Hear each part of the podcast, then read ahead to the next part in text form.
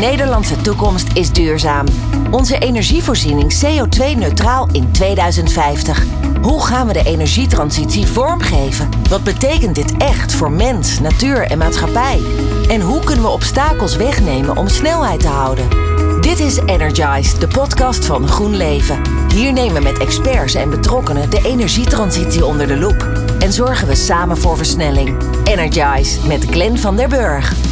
De vraag naar elektriciteit is de afgelopen jaren explosief gestegen door bijvoorbeeld elektrische auto's, warmtepompen en de verduurzaming van de industrie. Onze elektriciteitsnetwerken kunnen de vraag en het aanbod vaak niet meer aan. Als je vaker naar Impact luistert, dan heb je dat ondertussen wel een paar keer langs horen komen. En het gevolg daarvan is lange wachttijden, soms wel jaren, voor de uitbreiding van een aansluiting. Dus wil je verduurzamen als bedrijf en heb je daardoor een grotere elektriciteitsvraag, dan kan dat gewoon niet.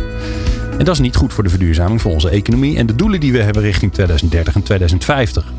Op steeds meer bedrijventerreinen nemen bedrijven het heft in eigen handen. Ze gaan de energievoorziening zelf regelen. Maar hoe organiseer je en regel je dat? En mag dat eigenlijk wel? Ik heb twee experts te gast. Rens Smal is de gast, eh, oprichter en eh, technisch adviseur van Energien. En Jens van der Laan, Head of Energy Solutions van GroenLeven. Fijn dat je luistert. Versnellen we de energietransitie? Energize, de podcast van GroenLeven. Ja, uh, Rens en Jens. Uh, dit wordt nog altijd een uitdaging om jullie uit elkaar te houden. Maar volgens mij gaat het wel lukken. Um, nog even, zodat we scherp hebben wat er nou precies aan de hand is.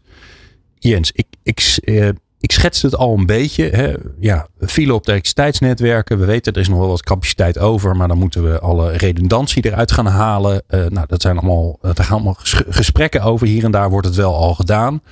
Um, uh, juridisch gezien is het allemaal ingewikkeld. Want je hebt, je hebt recht op, als je zo'n aansluiting hebt, op een bepaalde capaciteit. Hmm. En die moet dan ook gereserveerd worden voor je. Ook daar is nog veel in te doen. Maar wat is nu het gevolg van het feit dat de regels eigenlijk een beetje achterlopen, uh, de capaciteit achterloopt en heel veel bedrijven willen verduurzamen? Wat, wat gebeurt er dan? Ja, het is misschien wel goed om, om ook een beetje met de actualiteit te beginnen. Um, vorige week natuurlijk een belangrijk uh, stuk nieuws over het, het, uitstellen van afschaffing van de salderingsregeling. Um, ik denk als je daarnaar kijkt, hoe gaan we met het net om? Het net is tot nu toe eigenlijk steeds onze grote gezamenlijke batterij geweest. En, um, ja, heb je wat over, hè? ook als je thuis zonnepanelen hebt, heb je wat over, dan gaat het gewoon lekker het ja. net op. En dan hoe het geregeld wordt, daar heb je eigenlijk ja. hoef je geen zorgen over te maken. Ja, en ik denk dat het belangrijk is, we komen vanuit een, een centraal georganiseerd netwerk. We hebben eigenlijk een aantal grote centrales gehad die uh, de opwerk verzorgd. En hadden we decentraal werd het, werd het gebruikt. Dat is hoe we zijn ingericht met z'n, met z'n allen. En uh, Rens en ik hadden voorheen, uh, toen we de afspraak hadden om, om hier samen te komen praten, zeiden we gaan het positief insteken. Dus ik denk ook als we naar dit probleem kijken van netcongestie, het komt uit iets heel positiefs voort. Hè? we, hebben ontzettend, we hebben ontzettend ontwikkeld naar 22 gigawatt aan, aan zon al inmiddels geïnstalleerd. er zijn bedrijven allemaal aan het verduurzamen. Um, maar ja, dat zorgt wel voor, voor een klein probleem op het, uh, op het net op dit moment. Dat we vanuit een meer centraal georganiseerd systeem naar een decentraal systeem gaan. Ja, maar stel je voor, hè, ik, uh, ik, heb een, uh, ik heb een bedrijf, een magazijn of nou, een, ik heb een klein productiebedrijf of ik heb een metaalbewerkingsbedrijf. En ik, ga, ik, ik gooi al het gas eruit en ik ga alles elektrificeren. Ik heb al een zonnepanelen op het dak. En, maar ik heb gewoon meer vraag nodig. Zeker op de momenten dat de zon even niet schijnt. Dan uh, bel ik uh, Liander of ik bel uh, Steden in of een van die andere clubs. En dan zeg ik, jongens, ik heb een, ik heb, ik, fantastisch, ik ben lekker bezig. Ik heb gedaan wat jullie gevraagd hebben. Ik ja. ben lekker aan het verduurzamen, maar ik heb even wat, wat meer capaciteit nodig. Wat is dan het antwoord wat ik krijg als ik in een druk gebied zit? Ja, nou, ik denk, was, deze week kwam er een nieuwsbericht uit en stond ik op, uh, op NOS. 10.000 uh, bedrijven hebben daar het antwoord op gekregen van uh, je moet even wachten. En, en, dat is natuurlijk ontzettend vervelend. Hè, maar is alle... even een maandje of is even een half jaar of is even kan dat heel lang duren? Nou ja, dat hangt er een beetje vanaf uh, uh, in welk gebied precies. Hè? Want het heeft niet altijd alleen maar met, uh, met Liander of met steden of met Nexus te maken. Soms zelfs op, op niveau, dus echt op, op landelijk niveau. Dat we echt moeten kijken van waar ontstaan de, de grote knelpunten. En dat maakt het wel dat er is niet één iemand die je kunt aanwijzen. Je kunt zeggen van kijk, de netbeheer had het eerder moeten zien. Het zit ook de bedrijven. Als we kijken, iedereen is altijd gewend om vanuit zijn eigen behoeften aan te vragen. Er zijn een soort silo's van, hey, ik heb als bedrijf dit nodig om te kunnen groeien. En dat is denk ik ook wel een stukje gedragsverandering. Uh, waarbij we moeten zien van, hey, waar, waar ga ik als bedrijf naartoe, maar waar wil mijn buurman ook naartoe? Want als we allemaal voor onszelf aanvragen, dan krijg je het soort suboptimale netwerk waar we, wat we hebben. Hè, waarbij iedereen op zijn piekvermogen contract krijgt. Maar eigenlijk op, op sommige plekken best wel veel ruimte is. Maar dat er ook weinig transparantie is over de data. We weten ook niet exact waar de ruimte nu in het net zit. Dus of het echt vol zit op sommige plekken is ook lastig te bepalen op dit moment. Ja, ja want Rens, laten we dat scenario's doorduwen uh, ook. Hè? Want dan komen we erachter waarschijnlijk dat dat misschien ook niet zo verstandig is. Stel je voor, al die netbeheerders, Tenet, die hebben een soort magisch toverstafje en een hele grote zak geld. En die kunnen heel snel kunnen ze dat netwerk gaan verzwaren, zodat iedereen maar gewoon kan blijven vragen wat hij wil vragen. Wat is daar dan voor nodig? Daar zijn ontzettend veel kabels voor nodig in de grond. En ik denk dat dat ook wel het grootste probleem is. Uh, er is al ontzettend veel infra in, uh, in de grond. En het uh, plaatsen van die kabels met alle vergunningen die daarbij horen, kost op dit moment gewoon heel veel tijd en ook heel veel mankracht.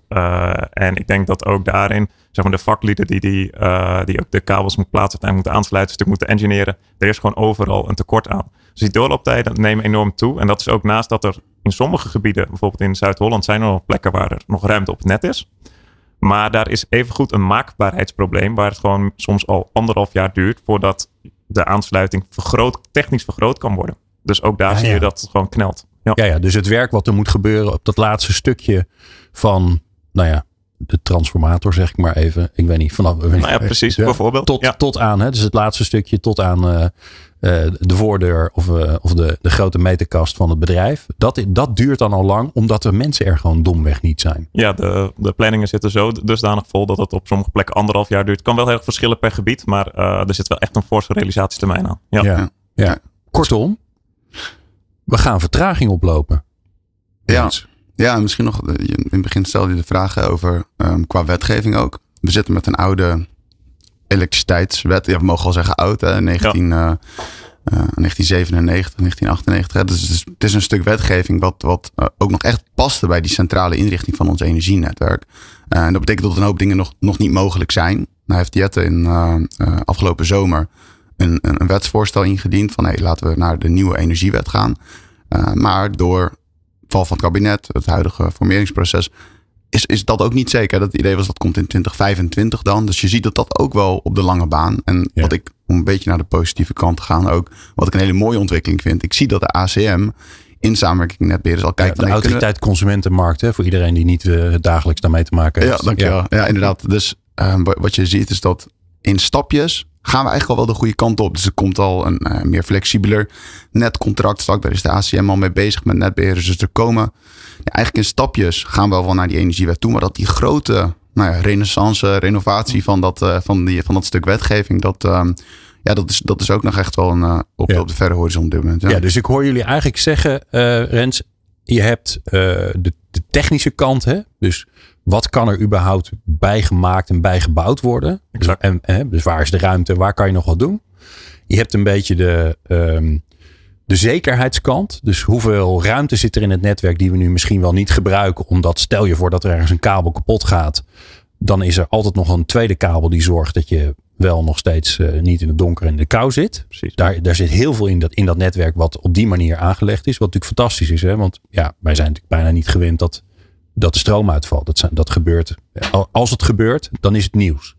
Ga eens naar een zuidelijk land of naar, uh, naar een leuk eiland in Griekenland. Dan is het elke avond als, ieder, als alle koelkasten aanslaan, dan, dan, dan gaat daar het licht uit. En het derde is dan de, de wet en regelgeving, omdat sommige dingen gewoon niet kunnen of niet mogen. En op alle drie die vlakken zal er geschakeld moeten worden. En dat gaat alle drie lang duren. Dat is een beetje mijn conclusie. Ja, dus, het, of dus... het vraagt heel veel flexibiliteit van de bedrijven om tussen met die drie uh, kaders die er zijn, om daar tussen te schipperen en te kijken hoe je toch wel tot oplossingen ja. kan komen. Maar dat vraagt meer creativiteit en meer tijd en vaak ook ja, meer geld, meer investeringen. Ja, en, en, en als ik dan nu aan het luisteren zou zijn als bedrijf en ik zou denken, ja, uh, Ik kijk naar mijn gasrekening. Ik moet ook gaan elektrificeren. Hm. Eh, los daarvan eh, vragen mijn klanten erom. Eh, los daarvan vind ik het zelf belangrijk voor de toekomst. Dan kan ik me ook voorstellen dat je denkt, nou, wacht nog even een jaartje. Hè, 2024, ik, zie, ik kijk het nog even aan. Maar dat is niet wat wij willen, toch? Absoluut niet. Absoluut niet. Nee, ik denk, sterker nog, ik denk niet, niet wat bedrijven willen. Uh, we kijken eigenlijk naar, naar drie vormen van um, waarom zijn bedrijven hier mee bezig met het stuk verduurzaming um, en elektrificatie. Het gaat eigenlijk in eerste instantie om, ik wil mijn huidige productieprocessen wil ik gewoon door kunnen zetten of kunnen uitbreiden. Een stukje uh, ja, continuïteit van bedrijfsvoering. Ja, als jij niet um, kunt, kunt groeien, je kunt bijvoorbeeld niet die tweede productielijn openen of uh, de stroomprijs is zo hoog. Uh, dat, dat eigenlijk de operationele kosten de pan uitstijgen. Ja, dat, dat er dus business continuïteit ontzettend belangrijk. Twee, wat we zien bij bedrijven. Stel dat jij een aantal bedrijfswagens hebt, een beveiligingsbedrijf. Ik heb ook laatst met een, een cateraar gesproken. Die heeft twaalf van die Renault Kangoo's rijden. Ja.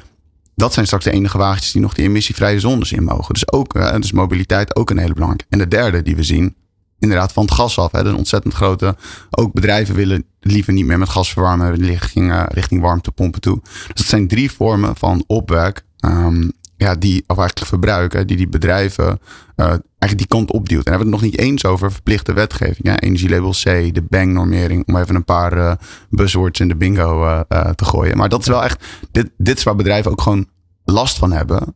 Maar tegelijkertijd zien ze ook heel veel kansen. Dus ik denk dat daar nog een hoop gebeuren ja. gaat. Ja. Nou, wij gaan het over die kansen hebben, maar ook over die praktische oplossingen hebben. Want veel bedrijven in Nederland zitten in, in of op een bedrijventerrein. Op een bedrijventerrein, zeg je ja.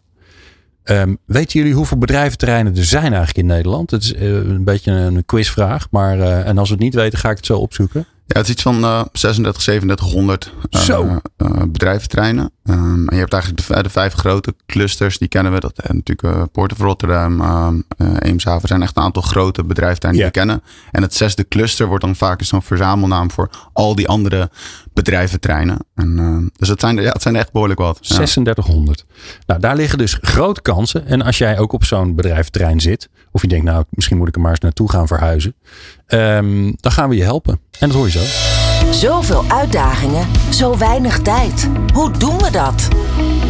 Energize. Ren Smal uh, van Energien en uh, Jens van der Laan, te gast van GroenLeven. En we praten over wat kan je nou doen op een bedrijventerrein als je zo dicht bij elkaar zit als ondernemers en je zit eigenlijk allemaal met hetzelfde vraagstuk. Hoe gaan we verduurzamen? Hoe gaan we uh, elektrificeren uh, uh, als bedrijf? waar gaan we al die elektrische auto's opladen? Als heel simpel ding. los van alle productieprocessen die natuurlijk geëlektrificeerd moeten worden. Ja, hoe gaan we dat doen? Um, misschien eerst even een beetje de randvoorwaarden. Want al heel snel kom je tegen dingen aan uh, als uh, wat, wat mag er niet en wat mag er wel. Dus Rens, um, beetje de kaders. Nou ja, het is belangrijk als bedrijventerrein om allereerst georganiseerd te zijn met elkaar. En ook te weten wat is ieders behoefte en wat is de elektrificatiebehoefte binnen het terrein. En vervolgens ook een stukje transparantie te geven in de data van hey, hoeveel verbruik jij nu en hoeveel verbruikt de ander bedrijf. En dat is een heel belangrijk gegeven om elkaar te vinden. Maar ook om te kijken hoe kunnen we vanuit, uh, vanuit dit georganiseerde bedrijfterrein de volgende stap zetten naar echt misschien bijvoorbeeld ja, ja. zo'n energiehub. Oké, okay, dus je gaat eerst kijken van wat is er überhaupt al. He, dus niet alleen al wat verbruik je, maar ook wat voor afspraak heb je met een, met een Liander uh, of, een, uh, of, een, of een Enexis. welke capaciteit je eigenlijk mag, mag gebruiken. Ja, absoluut. Dat is een hele belangrijke basis. En daarnaast ook wanneer gebruik je nu dat, die energie. Want je ziet op veel bedrijfterreinen dat er toch wel een behoorlijk verschil in zit. Uh, de een heeft een piek echt vroeg in de ochtend, als alle ovens, bijvoorbeeld een bakkerij, alle elektrische ovens aan worden gezet. Uh, dus die piek zit soms al om 6 uur s ochtends, misschien soms zelfs wel in de nacht. Uh, terwijl andere meer kantoorgerelateerde bedrijven hebben veel meer een piek overdag. en we hebben ook voorbeelden gehad waar er juist bedrijven waren die in het weekend heel veel verbruikten. En dan beginnen er leuke combinaties te ontstaan van verbruiken die complementair aan elkaar zijn. En waarbij je dan samen echt, echt verder zou kunnen komen. Ja. ja, je gaat eigenlijk gewoon net alsof je, alsof je dat zou doen met, de, weet ik veel, de, de verkeersstromen of wat voor stromen die er dan ook naar het bedrijventerrein komen. Je gaat in kaart brengen van hoe zit het nou eigenlijk in, in elkaar en hoe kunnen we dat optimaliseren uh, als we dat op elkaar leggen. Ja, absoluut. Dus dat is een, een basis, dus een stukje organisatie en kijken hoe de verbruikers zijn. Vervolgens zul je wel echt de techniek in moeten duiken. Van, we hadden het zojuist in de voor, aan de voorkant al even. Hoe zit het eigenlijk met die kabels? Hoe zit het met die capaciteit? Hoe zit het met de transformatoren? Ja, en dan moet er wel echt een stukje engineering uh, in worden uh, verdiept, in worden verdiept. Van ja wat, ja. wat, kan er nu ook technisch allemaal? En, en, en zijn de netbeheerders daar uh, genegen toe? Vinden ze dat interessant? Of zeggen zij, ja, maar dat is mijn, onze informatie, dat mag je allemaal niet weten? Of, of gaan ze, merk je dat ze daar coöperatief in zijn? Dat ze eigenlijk denken van ja, we moeten het probleem samen oplossen? Uh, ze zijn er zeker coöperatief in. Alleen dit, de, deze vormen, dat, dat heet dan een groepstransportovereenkomst. Dit zijn wel nieuwe ontwikkelingen. Waarin je eigenlijk als bedrijfterrein zegt. In plaats van dat ieder bedrijf zijn eigen uh, overeenkomst met Liander uh, heeft.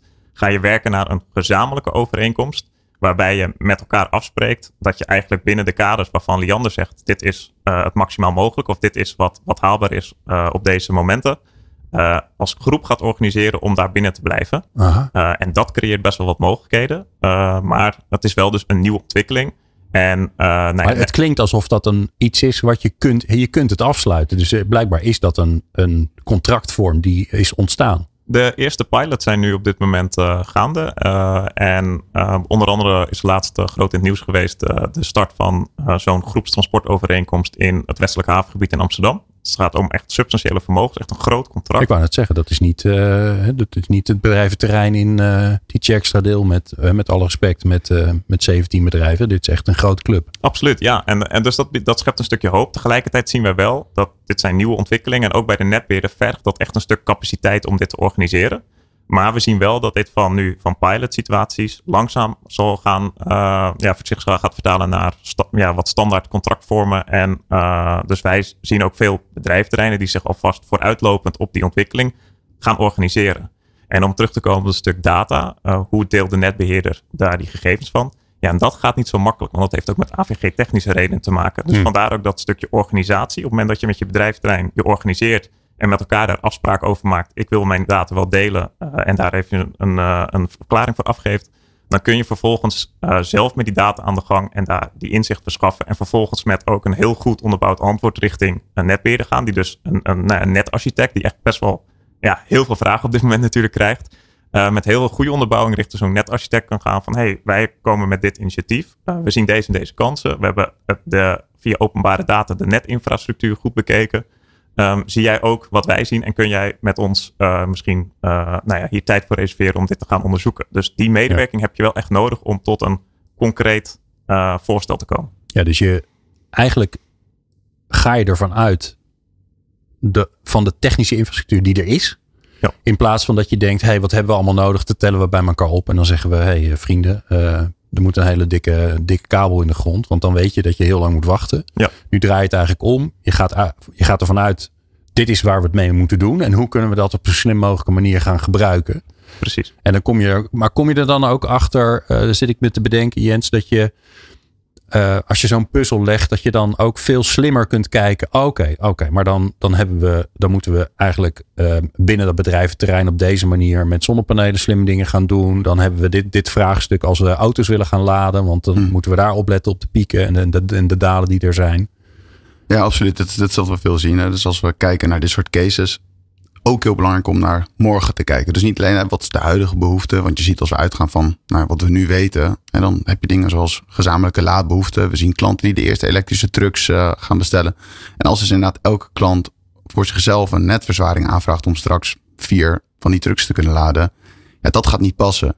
Maar een gezamenlijk laadplein kan een hele interessante optie zijn voor, voor bepaalde, uh, bepaalde industrie- en, uh, en. Een gezamenlijk laadplein, oké. Okay. Dus dat je dat samen gaat organiseren. Dat je zegt, we hebben die parkeerplaats uh, misschien ergens toch? Ja, ja dus uh, laten we zeggen, eigenlijk een soort VVE. Hè? Net dat je als gezamenlijk VVE uh, met je buurman zegt, hey, dat dak dat lekt, dan moeten we dat niet een keer gaan, gaan oplossen. Kun je ook zeggen van, nee, we weten dat we met z'n allen een laadpaal voor de deur nodig hebben bij ons appartementencomplex. Of in dit geval een bedrijventerrein.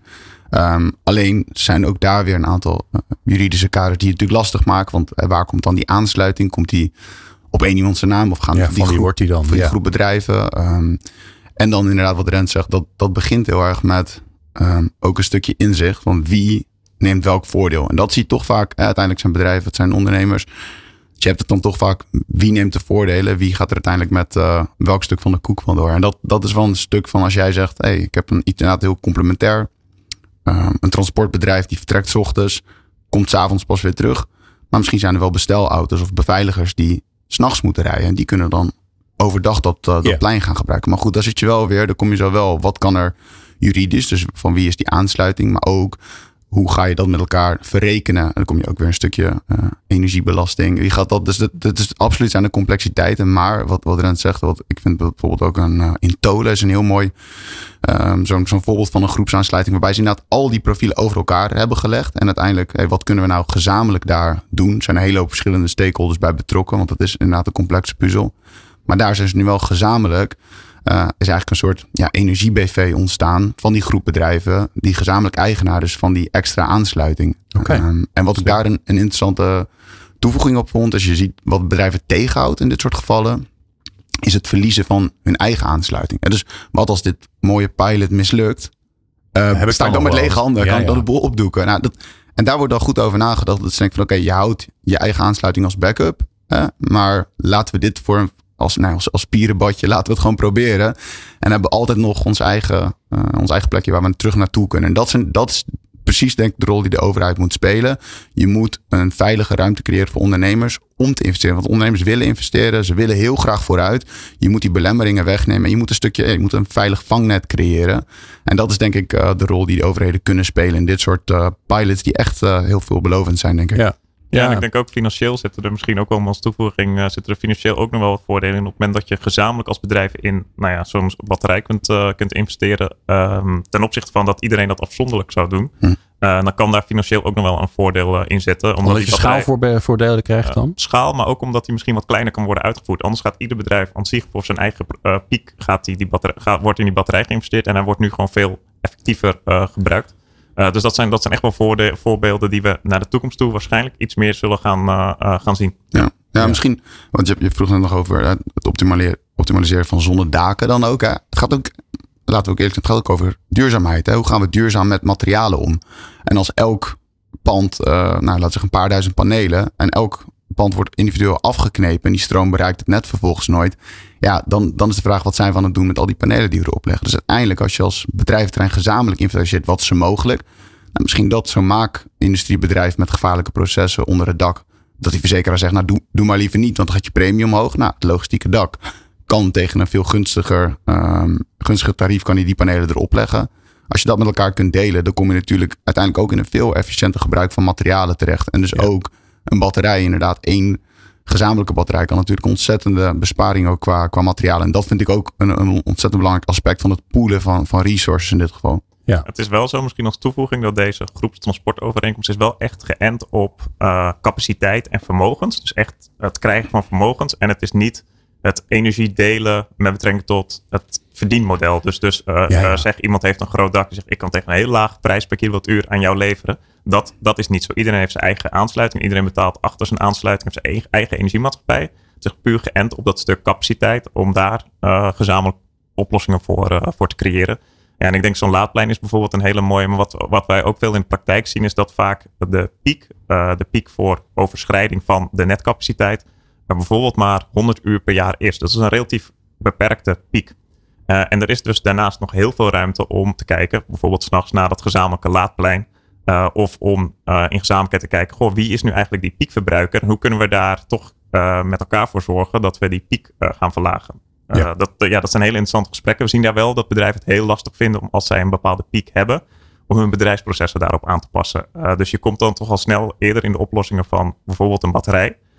Om die piek te verlagen, die dan vervolgens voor het hele terrein mogelijk wat meer capaciteit gaat, gaat creëren. Ja, en ik, ik, hoor je, ik hoor je en twee dingen zeggen, zodat ik het goed snap. Eén, heb je de, uh, dat groepscontract waarmee je eigenlijk zegt: Oké, dit is de infrastructuur die er ligt. Daar moet het voorlopig even mee, mee doen. Um, hoe kunnen we dat het best uitnutten? En het tweede is eigenlijk dat je zegt: Oké, dit bedrijventerrein is, is ook een, een energiecentrale. We kunnen energie opwekken, we kunnen energie opslaan. Uh, we kunnen ook gezamenlijke faciliteiten regelen, zoals zo'n zo'n laadplein voor de, voor de auto's en de vrachtwagens daarmee, want daar lopen wij zelf in de straat zelfs al tegenaan. Daarmee word je een energieleverancier met alle voor- en nadelen daarvan. Zie, zie jij dan ook, Jens, ontstaan dat het interessant begint te worden om als um, bedrijventerrein te zeggen: Oké, um, we moeten gewoon een, een energiecoöperatie worden. Dat gaan we met elkaar regelen ehm, op een slimme manier en aan, aan elkaar leveren. Is dat al mogelijk? Of, ik weet dat er allerlei pilots ge- ge- gedaan zijn. Maar dat is, heet niet voor niks een pilot, omdat het eigenlijk niet mag. Mhm. Ja, kijk, ik denk, ik denk waar je dit al wel ziet en al, al jaren, het zijn eigenlijk wat eh, de, de GDS'en, de gesloten distributiesystemen. Dus dat zijn eigenlijk, ja, je zou kunnen zeggen, echt, echt ecosystemen, een soort autonoom ecosysteem. Dus bijvoorbeeld is eh, Schiphol, maar eh, GTEC. We hebben een aantal, en Emmen bijvoorbeeld, er zijn echt een aantal bedrijventerreinen waarbij je echt een eigen net hebt en eigenlijk een soort eigen, ja, ehm, miniatuurversie van het, van het energienet ziet. Dat bestaat al en daar, daar, kan dat. Maar dan heb je wel echt een bepaalde schaal en een organisatiegraad. En vaak zijn dat dan- dezelfde dan- bedrijven. Maar dan ben je dus als, als bedrijventerrein ben je eigenaar van de infrastructu- infrastructuur. ja, het is eigenlijk een soort Ja. eigen, eigen net echt. Eh, maar je ziet wel dat dat, als je het hebt over de schaalbaarheid daarvan, dat is natuurlijk wel, ja, niet elk bedrijventerrein zal door die ehm, juridische hoepels. Want er komt ontzettend veel, met name als je het over die regisseurfunctie die netbeheerders hebben, dus het balanceren van dat net. Ja, dat is, dat is wel echt een ontzettende een complex vraagstuk om als bedrijventerrein zomaar op te pakken. Dus het is ook wel wat Rent zegt van het verschil tussen ja, een gezamenlijk eh, groepscontract waarin je gewoon afstemt wat je maximale piekverbruik is wel echt iets anders dan echt regisseur op een, eh, op Ja. een eh, energiehub zijn. Maar op het moment dat jij, eh, stel je voor, eh, je buurman die heeft een heel groot dak, ehm, een, een relatief weinig eh, energieverbruik. Hm. Eh, bij mij is het precies andersom. Hè? Ik heb weinig ruimte, maar wel veel energieverbruik. Dan, dan denk je als ondernemer heel logisch, ja, ik koop het gewoon bij mijn buurman. Hè? Dat is, hoe ingewikkeld is het? Anders moet het helemaal ver het netwerk op en komt het weer terug. Het moet gewoon rechtstreeks naar mij toe. Maar op het moment dat je de openbare infrastructuur opgaat, dan mag je niet zeggen, oh, maar wij regelen dat zelf wel even. nee, Ja, toch? Zo simpel precies, is het. Precies, dat is exact eh, eigenlijk het, het, het voorbeeld. Dus, dus ehm, eigenlijk ook, ook in zo'n groepscontract, maar ook zoals nu is georganiseerd. Iedereen heeft zijn eigen een- zijn, zijn kilowattuurmeter. En op het moment dat het langs die kilowattuurmeter gaat, ehm, is het het openbare net opgegaan. Is het dus ook verkocht op de markt. En natuurkundig gezien is het natuurlijk zo dat jij als buurman gewoon eigenlijk die stroom afneemt. Ja, maar dat gewoon is, de bocht om. ja, het is administratief verkocht op de markt. En jij hebt een ander energiecontract en hebt een andere kilowattuurtje op de markt gekocht. En betaalt ook gewoon die kilowattuurprijs, inclusief dan de energiebelastingen. En daar zit natuurlijk de crux. Ehm, iedereen heeft die meters, omdat je gewoon ook energiebelasting moet betalen over de eh, afgenomen Ja. energie. Eh, er zijn wel wat creatievere vormen die, die soms worden eh, toegepast, waarbij je zegt: ik ga bijvoorbeeld een groot een zonnepark. Ik ben echt een groot verbruiker. Dus neem even, ik noem even bijvoorbeeld Tata Steel of in ehm, eh, je hebt Adel die bijvoorbeeld zegt, of die is bijvoorbeeld bij andere plekken waar je kunt zeggen: ik, ga, ik koppel dat zonnepark direct achter mijn aansluiting. Dat heet een directe lijn. Eh, dat zijn wel toepassingen die eh, juridisch ook mogen. Er zitten ook wel veel haken en ogen aan. Dat, daar, kun je, daar kun je wel dit soort. eh, Ja, maar voor de gemiddelde maken. ondernemer is dat te ingewikkeld. Klopt, ja, ja, Ja. ja. Of je moet stiekem een kabeltje van het dak naar je, ah, naar je eigen aansluiting brengen. Maar Nee, maar dat is natuurlijk wat je denkt. Hè. Je denkt gewoon, ja, in plaats van we tappen gewoon even af. Maar dat mag dus niet. Nee, of je moet echt de, de procedure volgen van Hm. de directe lijn. En daar ook netjes bij de ACM melding van maken. En dat proces doorlopen. Ja. Alright. Waar ik het zo eh, met jullie over wil hebben. Want het, het klinkt als. eh, er zijn mogelijkheden. Je moet wel snappen wat wel en niet mag. En wat wel en niet handig is. En je moet goed, goed kunnen samenwerken in dat bedrijventerrein. Nou, daar gaan we het zo over hebben. Want dat is ook nog niet zo makkelijk. De energietransitie is in volle gang. Wat zijn de laatste inzichten? Energize. Rensmal van Energie en Jens van der Laan van GroenLeven te gast. We hebben het over de eh, bedrijventerreinen. Wat je daar kunt doen om samen eigenlijk op een slimme manier ehm, eh, te verduurzamen. Om je, eh, je energiebehoeften op elkaar af te stemmen. En ehm, ja, zo een beetje te, te omzeilen dat je last krijgt van een nee. Op het moment dat je zegt ik wil mijn, ik wil mijn aansluiting verzwaren. Want ik ben enorm aan het elektrificeren. God zou dat toch niet gedacht hebben, twintig jaar geleden, dat dat ineens een heel normaal woord was gewo- geworden. Ehm, ja, eigenlijk zijpelt het er steeds een beetje door. Hè, dat ehm, ehm, er kan best veel, maar dan moet je wel goed samenwerken. En dat is nog niet zo makkelijk, Rens. Dus ehm, jij hebt er ervaring mee. Hoe, wat zie je dat er nodig is op zo'n bedrijventerrein om ervoor te zorgen dat, ja, dat mensen dingen willen delen met elkaar, dat ze met elkaar aan tafel willen zitten, dat ze willen zeggen: Oké, nou weet je, dan geef ik dit wel weg en dan krijg ik dat terug.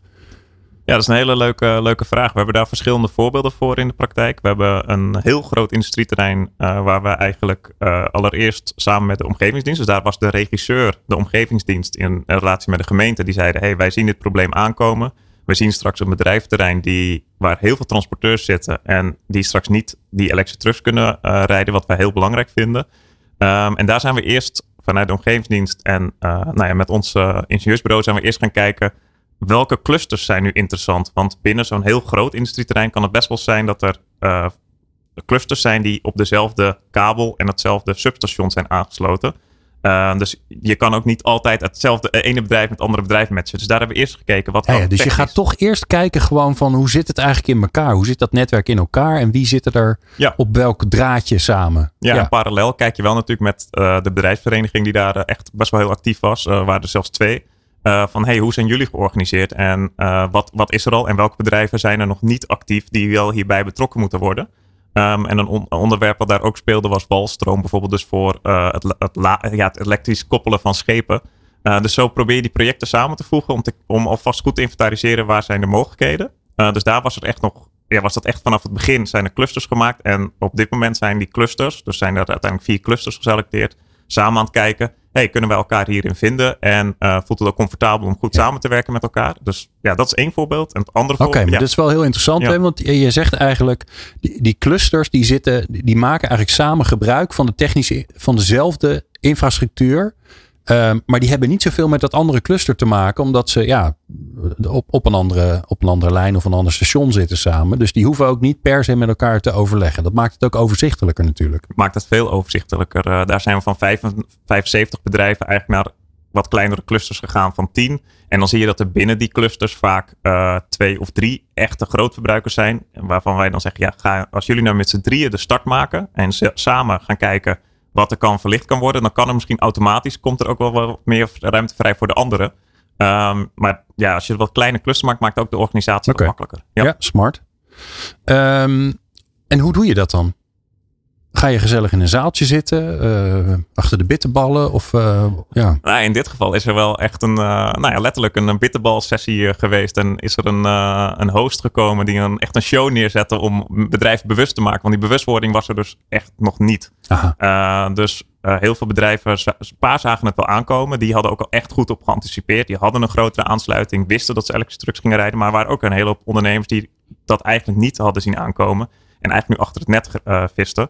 Dus eerst was die bewustwording heel erg belangrijk. Want uh, toen die bewustwording er was, werd ook pas data gedeeld. Daarvoor zei iedereen van ja, ik uh, ga echt niet mijn data met uh, iedereen delen. want ja, waarom zou ik? Totdat die bewustwording er was van oh wow, ik heb echt een probleem. En als ik, ik zie mijn groei. als dat ook inzichtelijk is gemaakt van ja, hoeveel wordt die elektriciteit verbruikt? Ja, één elektrische truck kan dan wel tussen de 50 en 100.000 kilowattuur per jaar verbruiken. Zo. Nou, als je dan 10 trucks hebt, spreek je al over een miljoen kilowattuur. Ja, als dat, dat soort cijfers beginnen te leven, dan zie je dat, uh, dat de bewustwording er is. En dan kom je op een gegeven moment ook verder. Uh, zeker als je erbij vertelt dat nou ja, het verkrijgen van een aansluiting misschien wel 5 tot 10 jaar duurt. En vervolgens mm -hmm. uh, Amsterdam al in 2000, straks 2025, of misschien iets later zijn, zegt ja, je mag hier alleen nog maar emissievrij naar binnen. Ja, ja, dan heb je echt wel een groot probleem. Want dan gaat je business gewoon eraan. Ja. Dat, uh, daar zijn ondernemers ernstig gevoelig voor, logisch natuurlijk. Ja. Want iedereen denkt altijd dat ondernemers heel, uh, heel veel risico willen nemen, maar dat is eigenlijk het tegenovergestelde. Ze zorgen gewoon dat ze, ze zien het wel, maar ze gaan zorgen dat ze er geen last van hebben.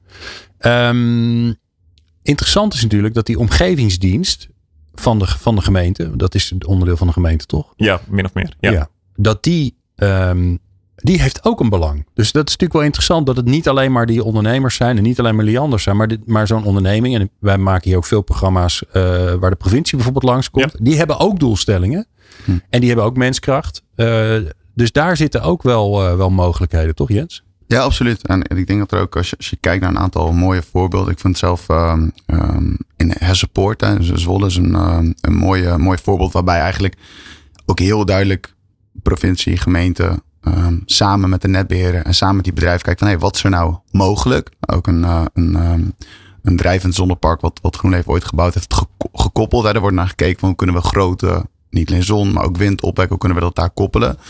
Uh, omdat bedrijven wel zien, en dat, dat, dat, dat merk ik vaak, er zijn dubbele opgaves. Hè. We hebben het niet alleen over um, de resten, dus de regionale energiestrategieën. Dus moet niet alleen voldaan worden aan een minimaal hoeveelheid opwerk. Maar we willen ook heel graag meer groen, meer woningen. Dus er zijn een soort van allerlei complexe vraagstukken ook voor um, ambtenaren die, die op elkaar liggen. En, uh, en daar, daar komt dit incentive natuurlijk ook vandaan. Want we willen graag schone uh, bedrijventerrein. En we willen graag de groene logistiek. Zou ik liever in mijn achtertuin hebben dan de laatste dieselvrachtwagens. en dat, en daar, daar komt denk ik een aantal dingen samen. Dat je ziet dat er heel actief potjes. Hè. Dus ik vind bijvoorbeeld ook topsector uh, energie is een, is een, een heel mooi uh, initiatief. Die, die kennis beschikbaar stelt. Hè. De sessies waar Rens het over heeft. Die dit soort sessies organiseert. Kennis beschikbaar stelt om je te organiseren. En om goed, eh, ook, ook het geld. Hè. Want laten we zeggen, laten we ook eerlijk zijn. Het kost geld om je te organiseren. Het kost geld om... En tijd, ja. Ja, om het te laten engineeren. Om te kijken van, joh, wat zou er nou allemaal gaan kosten om dit over elkaar heen te leggen. ik denk dat uh, in, in veel gevallen overheden daar al een, belangrijke rol in spelen. Maar als je het hebt over ik, een aantal steden, waar bijvoorbeeld dat stukje last mile transportation, waar we het vaak over hebben, dat, dat vrachtwagentje van Picnic of van PostNL die, de, die het stadscentrum in moet. Ja, die distributiecentra die moeten dicht bij steden komen. Daarmee creëer je werkgelegenheid, daarmee creëer je economische groei lokaal. Maar dat gaat alleen maar mogelijk zijn als je dus ook uh, dat aansluitvermogen hebt. Dus er ligt, is ook heel veel aan gelegen aan gemeenten en provincies om dit mogelijk te maken. Ja, zeker. En, en er ligt bij, de, bij gemeentes en provincies liggen natuurlijk ook doelstellingen op fijnstof, op, uh, uh, op, het, op nou, stikstof natuurlijk. Ook daarvoor geldt, ja, als je wilt transformeren, als je dat soort uitstoot naar beneden wil, wil krijgen, dan zul je wel moeten elektrificeren of op waterstof. Maar dat, daar maken we weer een andere uitzending over. Waarom zit groen leven hierin? Want je zou kunnen zeggen, ja, uh, veel succes allemaal met je bedrijventerreinen. Bel ons maar als je, als je een dak vol wil leggen. Daar zijn wij van. Nou ja, ik denk dat dat precies. Uh, uh, kijk, in de meest simpele vorm gaat het over. we willen met z'n allen die energietransitie doelen halen. Nou, het bestaansrecht van GroenLeven is. Wij willen ons steentje bijdragen aan die energietransitie. En dat kan alleen maar als er ruimte is om die panelen te leggen. We weten dat politiek, eh, maar ook infrastructuurtechnisch blijft, wordt het steeds lastiger. En dat is precies ook waarom dit soort gesprekken met, uh, met Rens, maar ook met andere marktpartijen heel belangrijk is. Wij kunnen niet die zonnepanelen blijven plaatsen, want als er geen business case is, of als er geen invoering is op het net, dan, dan kunnen we straks gewoon niet verder. Dus om te voorkomen dat we niet alleen knelpunt op het net hebben, maar nog een veel groter knelpunt gaan bereiken met die energietransitie, moeten wij nadenken over waar gaat die stroom naartoe. De tijd van alles invoeren op het net, daar een mooie subsidie tegenover hebben staan. Ja, dat, dat is eigenlijk voorbij. We moeten gaan nadenken over dus geïntegreerde business cases. En dat is precies waarom ik um, het heel belangrijk vind om niet alleen dat stuk opslag, maar ook om ondernemers bewust te maken. Eigenlijk kijk, wat heb je vandaag nodig, wat heb je morgen nodig? En stem daar je business case op af. En dat is een, uh, ja, een heel belangrijk gesprek. En dat is voor GroenLeven natuurlijk, ja, als je het hebt over onze uh, toekomst, uh, essentieel om na te denken over ja, te bouwen wat er, wat er ook echt nodig is. Eigenlijk moet je naar je energievoorziening gaan kijken zoals je naar al je andere materialen gaat kijken, toch? Die koop je in, daar moet je ook over nadenken. Daar moet je ook een soort van voorraad op, op aan. Het wordt veel meer dat je erover na moet denken. En voorheen was het natuurlijk zo, ja, ik moet zorgen dat die, uh, dat die verbinding groot genoeg is. En dan, ja, dan ja, dat, wel goed. Exact, en dat is dat stukje gedragsverandering. Hè? Wat vroeger ja, schoon water, schone lucht. Uh, ja, ook, maar ook elektriciteit was gewoon een pijpje die kwam naar je bedrijf toe. Uh, maar naarmate we willen elektrificeren, naarmate we aan het groeien zijn, um, ja, is dit gewoon iets waar we heel bewust over na moeten denken. En dan zul je zien dat het eigenlijk van een knelpunt in een kans verandert. Hè? Want dat, dat is waar we het nog niet over hebben gehad. Maar voor bedrijven is dit een investering. Deels natuurlijk om energiekosten te verlagen. Maar we zien ook in heel veel gevallen dat er een heel aantal nieuwe uh, bedrijfsmodellen, verdienmodellen ontstaan. En dus die ongebruikte aansluiting. Oh, wacht, als ik die op een ander moment toch gebruik. Of ik uh, stel inderdaad mijn laadplein aan de buurman beschikbaar die, die een taxibedrijf heeft. Kan daar zomaar een nieuw verdienmodel ontstaan voor een ondernemer. En dat is natuurlijk ook waar het, uh, ja, waar het ontzettend interessant wordt. Ja. ja. Rens, um, ik heb zitten luisteren naar deze aflevering. Ik ben ondernemer. Ik zit op een bedrijventerrein. Um, of ik maakte me al zorgen, of ik begin me nu zorgen te maken maak het eens lekker concreet voor me. Wat kan ik gaan doen? Waar, moet ik beginnen? Want dit is niet mijn dagelijkse kost waar ik me bezig hou. Um, nou, toch, je komt op dat puntje organisatie. Dus um, we zien wel dat, dat een belangrijke rol, een, de gemeente of als er al een bedrijfsvereniging is, de, de, het industrie, industrieparkmanagement, dat is toch even uh, een begin om te zeggen, dit signaal aan te geven, hey, ik, ik voel de noodzaak, ik wil hier aan gaan werken. Um, en vanaf daar moet wel dat. Maar wie bel ik dan? Moet ik, gaan, moet ik Liander gaan bellen? Want ja, die hebben het al hartstikke druk. Dus dan weet ik, en, los daarvan kom ik dan waarschijnlijk bij een soort algemene callcenter uit. Ja, dan sta ik een half uur in de wacht. Nou ja, dat is, die rol is nog niet goed gedefinieerd. In sommige gevallen pakken wij als bedrijf de regierol op. Dat we zeggen, nou, wij organiseren, uh, we organiseren die eerste stappen. En kijken wat er technisch met elkaar mogelijk is. Ehm, en vaak zorgen wij dan voor het contact met bijvoorbeeld de provincie die uh, echt wel subsidies beschikbaar heeft. Om te zeggen, nou voor die eerste stappen zijn wij wel bereid om hier uh, subsidies aan te verlenen. Dat is ook wel omdat als een bedrijventerrein georganiseerd is, ook die andere thema's beter aangepakt kunnen worden. Dus je ziet dat daar mogelijkheden voor zijn. En vanaf daar moet echt het balletje gaan rollen. Maar je zegt dus eigenlijk, bijna elk bedrijventerrein heeft wel een vorm van organisatie. Al is het maar dat je eens een keer uh, een borrel of een feestje met elkaar organiseert heb het met elkaar erover en, en bel een club zoals jullie die daarbij kan helpen, die de wegen weet naar uh, de provincie of degene die het belang heeft om dat bedrijventerrein, om daar met de elektrificatie bezig te zijn. Ja, en sterker nog, op een ander industrieterrein was er een ambassadeur, een oud ondernemer, die zei, nou, ik wil hier de kar wel trekken, ik vind het een belangrijk thema. Uh, ik ben gepensioneerd, maar ik vind het heel leuk om hier met elkaar aan te werken. Die kent ook heel veel ondernemers daar. Ja, en dan zie je dat je, dat je opeens momentum krijgt, enthousiasme. En dat ook denk ik wel positief houdt van het is niet alleen een probleem, maar zie het ook als kans naar de toekomst toe. Um, en, en, en vooral die, dat positiviteit ook vast te houden. Het kan soms echt wel, je hebt, je hebt tegenslagen in zo'n proces. Het gaat altijd niet makkelijk. Nou, dat zijn uh, ondernemers wel gewend. Nou ja, precies. Dingen gaan vanzelf mis. Als een stip op de horizon maar duidelijk is van hé, hey, we gaan met elkaar die kant op. Dus uh, ja, dat stuk organisatie is belangrijk. En uh, op deze manier, als je ook, uh, dus ja, ondernemers kennen elkaar, als je een, een start maakt, langzaam kom je, kom je verder tot, tot die organisatie. Ja. ja. Jens, wat, wat moeten we gaan doen? Help, help ons, de ondernemers. Ja, nou, ik denk inderdaad, uh, naast met je buren praten, je organiseren, is het toch ook wel um, voor jezelf echt naar de toekomst kijken. Wat komt er op me af? En ik merk wel van eh, de struisvogelmethode, ja, het is in dit geval, er komt qua verduurzamingswetgeving, qua uh, netaansluiting. Het komt allemaal op je af. Hè? Dus maak je er bewust van. Nou, we hadden het net over. Uh, inderdaad, ik denk dat een bedrijf als Energie heel goed kan helpen met dat eerst uh, die behoefte in kaart te brengen. Maar daarbij is het ook belangrijk om te kijken naar zo'n topsector energie. Er zijn heel veel initiatieven vanuit de RVO. eigenlijk het stimuleren van ondernemers en, en, en eigenlijk het helpen om dit, om dit goed in kaart te brengen. Dus er zijn heel veel kennis en initiatieven zijn hiervoor. Maar als ondernemer zelf Um, bedenk ook heel duidelijk waar wil je naartoe. En um, zet een stip op de horizon. Wil ik uh, straks eigenaar zijn van mijn eigen infra? We hebben het al wel veel over gehad. Er zijn eigenlijk twee routes die je kunt bewandelen als bedrijf. Wil je zelf eigenaar zijn van die energieinfrastructuur? Of wil je met een energiebedrijf, dat die de panelen eigen, uh, de eigenaar daarvan is. Maar dat betekent ook dat iemand achter de meter ja, jouw energierekening wel de touwtje in handen heeft. En als je zegt van als bedrijf, ik wil zelf um, wat energie is van eigenlijk iets wat je altijd had gaat het naar een kritieke resource waar je het net over had. Dus het wordt een kritieke resource. Dan is als bedrijf denk ik de vraag, heb je de middelen en de bereidheid om die kritieke resource en wil je meester achter je eigen meter blijven, zoals we vaak wel een beetje ja. zeggen. Denk daar heel goed over na, want we zien bedrijven die hun dak verhuurd hebben, 100% aan het net terugleveren. En nu ligt goedkope stroom op hun dak. Maar ze kunnen er zelf niet bij.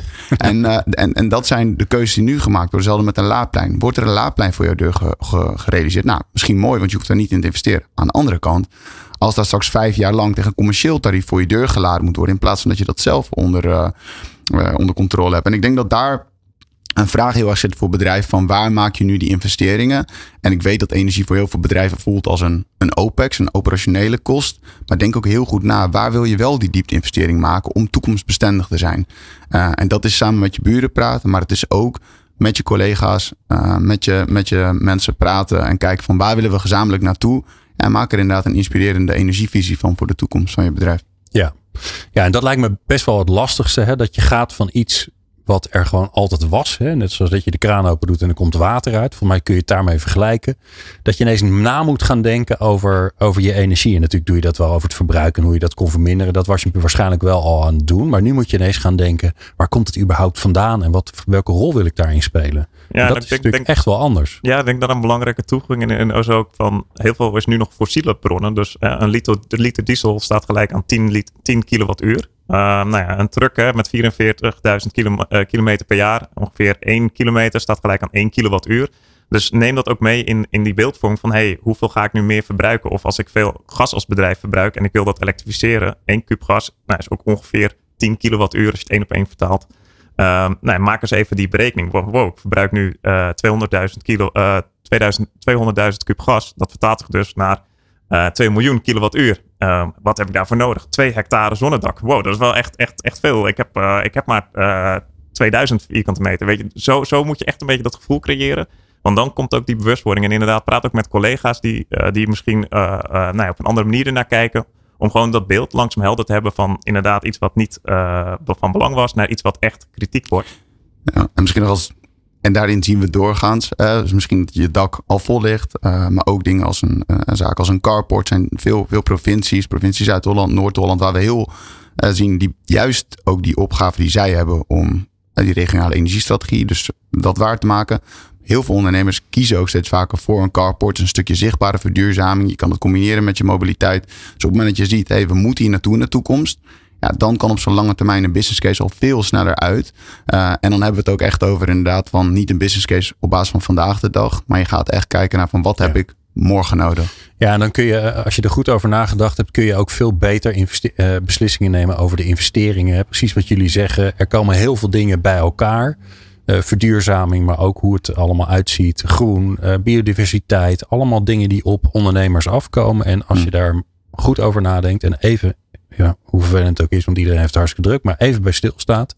Dan kun je toch slimmere beslissingen nemen dat je dingen in één keer tegelijk doet. In plaats van uh, dat, dat je elke keer weer uh, achter de feiten aanloopt. Ja, ja.